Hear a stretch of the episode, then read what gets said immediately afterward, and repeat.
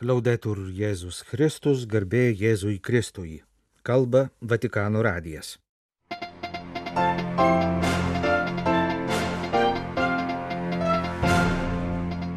Popiežiaus audiencijos Indijos sirų malankarų ortodoksų bažnyčios vadovui ir Italijos organizacijai padedančiai nukentėjusiems per nelaimingus atsitikimus darbe. Mišiomis Šventojo Petro bazilikoje užbaigtas Romoje vykęs Ukrainos graikų peigų katalikų vyskupų sinodas. Berlyne prasidėjo Šventojo Gidijos bendruomenės organizuojamas maldos už taiką susitikimas. Pirmadienį rugsėjo 11-ąją popiežių Pranciško aplankė Indijos Sirų Malankarų ortodoksų bažnyčios vadovas Bazelijos Martoma Metijus III. Po oficialaus susitikimo ir sveikinimo kalbų sekė bendros popiežiaus ir jos svečio ekumeninės maldos valandėlė Vatikano rūmų Redemptoris Mater koplyčioje. Insieme a lei vorrei anzitutto rendere grazie al Signore per i legami intessuti. Visų pirma, norėčiau kartu su jumis padėkoti viešpačiui už per pastaruosius dešimtmečius užsimesgusius mūsų bažnyčių ryšius, sveikindamas savo svečią, sakė Pranciškus, ir paminėjo pagrindinius pastarųjų dešimtmečių dvišalių santykių įvykius. Pirmasis katalikų ir ortodoksų Sirų Malankarų bažnyčių vadovų susitikimas įvyko prieš beveik šešis dešimtmečius, kai lankydamasis Bombėjuje popiežius Paulius VI susitiko su tuometiniu katolikosu Bazelijosu Augenu I. 1983-aisiais į Romą atvyko Bazelijos Martoma Metijus I, kurį po trejų metų popiežius Jonas Paulius II aplankė Indijoje. Po Pranciškaus išrinkimo popiežiumi jo pontifikato pradžios iškilmėje dalyvavo katolikosas Bazelijos Martoma Paulius II, dabartinio ortodoksų Sirų Malankarų bažnyčios vadovo pirmtakas. Popiežius Pranciškus paminėjo, kad krikščionių bendruomenės Indijoje istorija siekia paštalo Tomo laikus. Pirmasis Kristaus kelbėjas buvo apaštalas, kuris pamatęs prisikėlusiojo žaizdas išpažino - mano viešpats ir mano dievas. Šis išpažinimas, skelbiantis Kristaus išganomąją viešpatystę ir dieviškumą, yra mus siejančio bendro tikėjimo pagrindas, sakė Pranciškus. Viešpats parodė žaizdas apaštalui, kurio netikinčios akys tapo tikinčiomis. La comune contemplazione del Signore crocifisso e risorto favorisca la Tegul nukryžiuotojo ir prisikėlusio viešpaties kontempliavimas padeda mums visiškai išgydyti praeities žaizdas, kad tarp mūsų neliktų jokių atstumų ir nesusipratimų, o prieš mūsų akis visada būtų Jis, mūsų viešpats ir mūsų Dievas, kviečiantis jį garbinti prie vieno Eucharistijos altoriaus. e. Apaštalo Šventojo Tomo suburta pirmoji Indijos krikščionių bendruomenė ilgainiui išaugo į dviejų tradicijų - Malabarų ir Malankarų bažnyčias. Vėliau kai kurie Malabarų ir Malankarų tradicijų krikščionys užmesgė vienybės ryšius su katalikų bažnyčia, kiti toliau palaikė ryšius su Antiochijos sirų ortodoksų patriarchatu. 1912 metais Indijos sirų malankarų bendruomenė tapo autokefalinė bažnyčia. Šiandien ji turi apie 2,5 milijono tikinčiųjų Indijoje ir diasporoje. Šiaurės Amerikoje, Europoje, artimuosiuose rytuose, Pietryčių Azijoje, Australijoje ir Naujojoje Zelandijoje. Nuo 1932 metų gyvuoja ir popiežiaus Pijaus XI pripažinta Sirų Malankarų katalikų bažnyčia. Pirmadienį rugsėjo 11-ąją popiežius Pranciškus priėmė Italijoje veikiančios organizacijos, kuri globoja žmonės nukentėjusius per nelaimingus atsitikimus darbe, gina jų teisės atstovus. Vorrei esprimere un sentito ringraziamento a tutti voi. Grazie innanzitutto per quello che continuate a fare per la tutela Popiežius dėkojo už tai, ką jie daro, stengdamiesi padėti nelaimingų atsitikimų darbe aukoms, žuvusiųjų šeimoms. Dėkoju, kad daug dėmesio skiriama saugos darbo vietoje klausimams, dėkojo už iniciatyvas, kurių imasi ši organizacija, kad būtų tobulinami civiliniai teisės aktai dėl nelaimingų atsitikimų darbe. Pasak Pranciškaus, visos šios pastangos tai ne tik siekimas užtikrinti socialinę apsaugą asmenims nukentėjusiems per nelaimingus atsitikimus darbe, bet ir naujų galimybių suteikimas sveikatos netekusiems žmonėms, kad jie būtų geriau integruoti į visuomenės gyvenimą ir būtų visiškai pripažintas jų žmogiškasis orumas. Galiausiai popiežius dėkojo ir už darbą informuojant visuomenę, darant ją jautresnę nelaimingų atsitikimų prevencijai ir darbo saugos klausimams. Rinnovo la mia gratitudine per il vostro impegno e vi incoraggio ad andare avanti. Dar kartą dėkoju už jūsų įsipareigojimą ir raginu jūs eiti pirmin, padėti visuomeniai žengti į priekį, suprasti, kad žmogus yra svarbesnis už ekonominius interesus. A comprendere che l'essere umano viene prima dell'interesse economico, Kad kiekvienas žmogus yra dovana bendruomeniai ir kad vieno žmogaus suluošinimas žaloja visą socialinį audinį, sakė Pranciškus ir meldė visiems Šventojo Juozapo, darbininkų globėjo bei Dievo motinos užtarimo. Šiandien prie Šventojo Petro kapo mes sakome Romai ir pasauliui - Ukraina laikosi, Ukraina kovoja, Ukraina meldžiasi. Kalbėjo Ukrainos graiko peigų katalikų bažnyčios Kyivo ir Haličio didysis arkivyskupas Svetoslavas Ševčiukas sekmadienį rugsėjo 10-ąją, vadovaudamas Euharistijos liturgijai Šventojo Petro bazilikoje Vatikane. Kartu su didžiuoju arkivyskupu koncelebravo kiti vyskupai dalyvavę šiomis dienomis Romoje vykusiame Ukrainos graiko peigų katalikų bažnyčios sinode. Vatikano bazilikoje švestoje liturgijoje dalyvavo apie 2,5 tūkstančio ukrainiečių katalikų.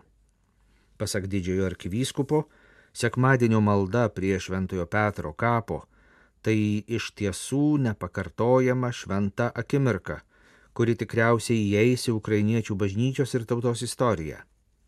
Didžiojo karo skausmo ir tamsos apsuptyje viešpats Dievas dovanoja mums gilų džiaugsmą ir tikrą šviesą, kalbėjo arkivyskupas. Priminęs Vatikano bazilikoje palaidotą šventą Juozapatą Kuncevičių ir šiemet minimą jo kankinystės 400 metų sukaktį, arkivyskupas sakė, kad jo pavyzdys moko jog Dievo meilė žmonėse gimdo didvyrius, gebančius mylėti taip, kaip myli Dievas. Arkivyskupas prašė iš šventojo kankinio mokytis herojiškos ištikimybės šventojo Petro įpėdiniui. Jūs ir aš esame vienybėje su šių laikų apaštalo Petro įpėdiniu ne dėl politinių ar diplomatinių priežasčių, bet dėl to, kad esame visuotinės bažnyčios sūnus ir dukterys. Tikime, kad būtent ant apaštalo Petro uolos Kristus įkūrė savo bažnyčią.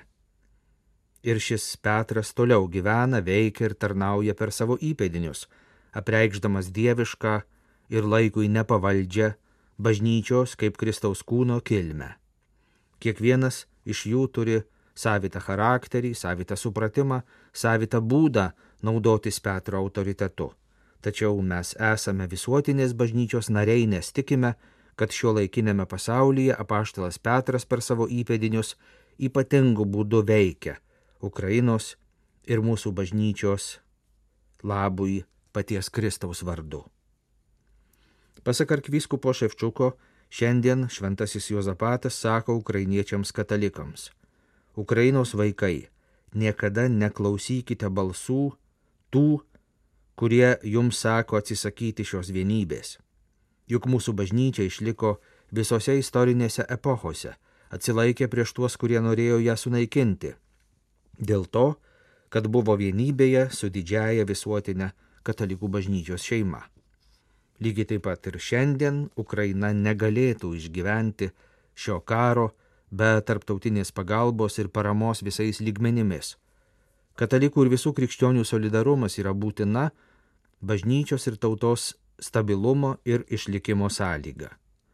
Ukrainos pergalės sąlyga kovoje tarp gėrio ir blogio, kurią tauta šiuo metu kovoja. Arkivyskupas sakė, kad per Romoje vykusį bažnyčios sinodą Ukrainos vyskupai susitiko su popiežiumi Pranciškumi ir turėjo galimybę papasakoti jam visą tiesą apie karą Ukrainoje, padėkoti popiežiui ir visiems pasaulio katalikų vyskupams už tai, kad Ukraina nėra palikta viena. Galiausiai arkivyskupas kreipėsi į pačius ukrainiečius, dalyvavusius liturgijoje Šventojo Petro bazilikoje. Aš žiūriu į jūs ir verkiu mes verkėme kartu su visa Ukraina. Arkivyskupas su ašaromis akise priminė, kokia beviltiška atrodė padėtis netrukus po rusų invazijos pradžios. Tai, kad šiandien esu su jumis, kad esu gyvas, yra stebuklas. Mūsų karių, vaikinų ir merginų didvyriškumo dėka esame gyvi. Mes žinome, kad Dievas mus myli ir vieną dieną visi grįšime į savo namus. Mes nugalėsime meilės savo tėviniai, savo žmonėms jėga. Jūs klausotės Vatikano radio tęsinę programą.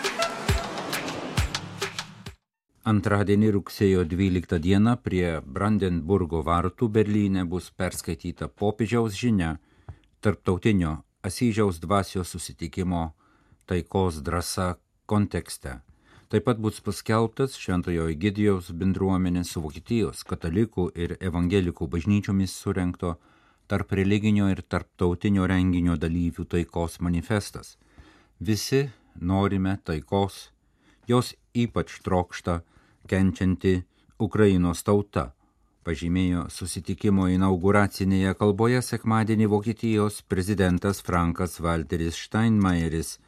Tačiau anot jo, tam tikrais istorijos momentais besąlyginė taika yra neįmanoma ir reikia panaudoti ginklą. Vokietijos valstybės vadovas pažymėjo, kad 2022 m. vasario 24 diena pakeitė viską.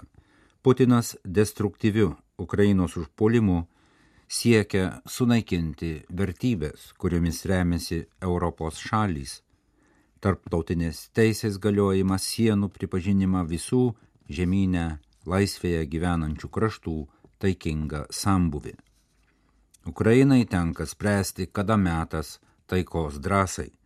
Ne Ukraina ir ją remintys kraštai atsisako taikos. Tai Rusija, kuri nenori taikos. Putinas gali įsakyti išvesti savo kariuomenę ir užbaigti šį karą, pasakė Vokietijos valstybės vadovas. Vienas iš tarptautinių Asyžiaus dvasios susitikimų pradininkų Šventojo Egidijaus bendruomenės teigėjas Andrėja Rikardi patikino susitikimo dalyvius, jog karas yra bendro tautų likimo neigimas, politikos ir žmogiškumo pralaimėjimas. Anot jo, antrąjį pasaulinį karą išgyvenusios ir holokausto liudytojų kartos išnykimas nulėmė užmiršti karo baisumus, o tai leido reabilituoti karą kaip priemonę konfliktams spręsti ir interesams ginti. Andrėja Rikardi sakė, jog taikos drąsa reiškia įsitikinimą, kad yra alternatyva, reikia daugiau dialogo ir diplomatijos, diskusijų apie teisingus ir taikingus sprendimus, kalbėti, apie taiką nereiškia samokslauti su agresoriumi arba išduoti kito laisvę. Kalbėjimas apie taiką yra ne baimė, o gilus ir tikroviškas karo prieš žmonės blogio suvokimas, pažymėjo Šventojo Egidijaus bendruomenės teigėjas. Asyžiaus dvasios susitikimo dalyviai, religijų lyderiai, krikščionys, musulmonai ir žydai iš viso pasaulio tęsia diskusijas taikos klausimais su politikais ir visuomenininkais darbo grupėse. Susitikime be kitų dalyvauja dokumento apie žmogiškąją brolybę dėl taikos su popiežiumi Pranciškumi bendra autorius Akmadas Altajebas, didysis Alazaro imamas, Vokietijos ir Italijos katalikų viskupų konferencijų pirmininkai, Vokietijos kancleris, Italijos užsienio reikalų ministras, Šventojo Egidijaus bendruomenės lyderiai. Pagrindiniai susitikimo renginiai, skaitant uždarimo ceremoniją prie Brandenburgo vartų, transliuojami per internetą. Tarptautinis Asyžiaus dvasios susitikimas Berlyne yra 37 nuo 1986 metų Asyžiuje popiežiaus Šventojo Jono Pauliaus antrojo surenkto pirmojo pasaulio religijų lyderių maldos už taiką susitikimo. Rugsėjo 8 dieną bažnyčia minėjo švenčiausiosios mergelės Marijos gimimo šventę. Lietuvoje tai svarbiausia Šiluvoje vykstančių atlaidų diena. Šią šventę iškilmingai švenčia ir Andoros gyventojai, nes tai viena jų nacionalinių švenčių. Andoros Meričelio šventovėje gerbiama Dievo motina prieš 150 metų buvo paskelbta šios mažos valstybės dangiškąją globėją. Minint sukaktį Mišes Meričelio šventovėje penktadienį aukojo popiežiaus valstybės sekretorius kardinolas Pietro Parolinas. Marija iš Nazareto iš tiesų yra didžiulė dovana, kurią Dievas suteikė ne tik Izraelio tautai, kurios duktė jie yra, bet ir visoms viso pasaulio tautoms bei žmonijos istorijai, kalbėjo kardinolas Mišių homilijoje. Jis pabrėžė, kad bažnyčia mini Marijos gimimą kaip svarbų momentą susijusi su jai Dievo numatytų pašaukimu tapti Jėzaus Kristaus, žmogumi tapusio Dievo sunaus, žmonių giminės gelbėtojo motina. Visas Marijos gyvenimas ir pašaukimas yra neatskiriamai susiję su Kristaus gyvenimu ir misija. Dievas savo amžinajame išganimo plane norėjo, kad jo sūnus taptų vienu iš mūsų per mergelės Marijos, mūsų sesers motinišką tarnystę. Kardinolas meldė, kad jos, išganytojo motinos ir mokinės širdis skatintų mus kartu su ją ir kaip ji eiti taikos keliais, dalyvauti planuose, kuriuos Dievas nori įgyvendinti visos žmonijos labui. Tarnavimo artimo meiliai dikasterija bendradarbiaudama su Romos klinikomis ir universitetu teiks nemokamą dantų priežiūrą vargšams. Dantų priežiūra Romos vargšams. Tai rugsėjo 7 dieną Vatikane pasirašyto bendradarbiavimo memorandumo tarp Vatikano tarnavimo artimo meiliai dikasterijos Unikamilus universiteto ir klinikos pasitikėjimo motina rezultatas kardinolas Konradas Krajevskis sako, kad susitarimas leidžia žmonėms turintiems finansinių sunkumų kreiptis į ambulatoriją gailestingumo motiną. Po pirminio įvertinimo jiems bus suteiktas reikiamas gydimas vienoje Romos klinikų.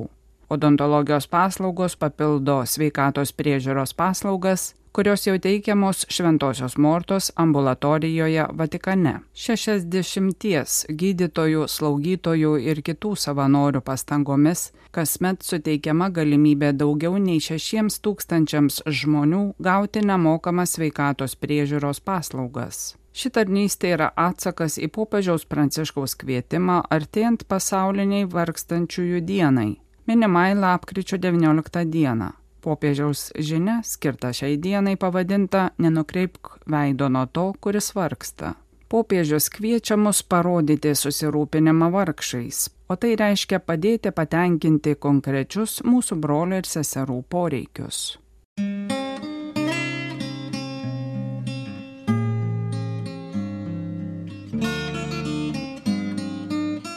Kalba Vatikano radijas. Laidą lietuvių kalba baigėme. Garbėjai Jėzui Kristui, laudetur Jėzus Kristus.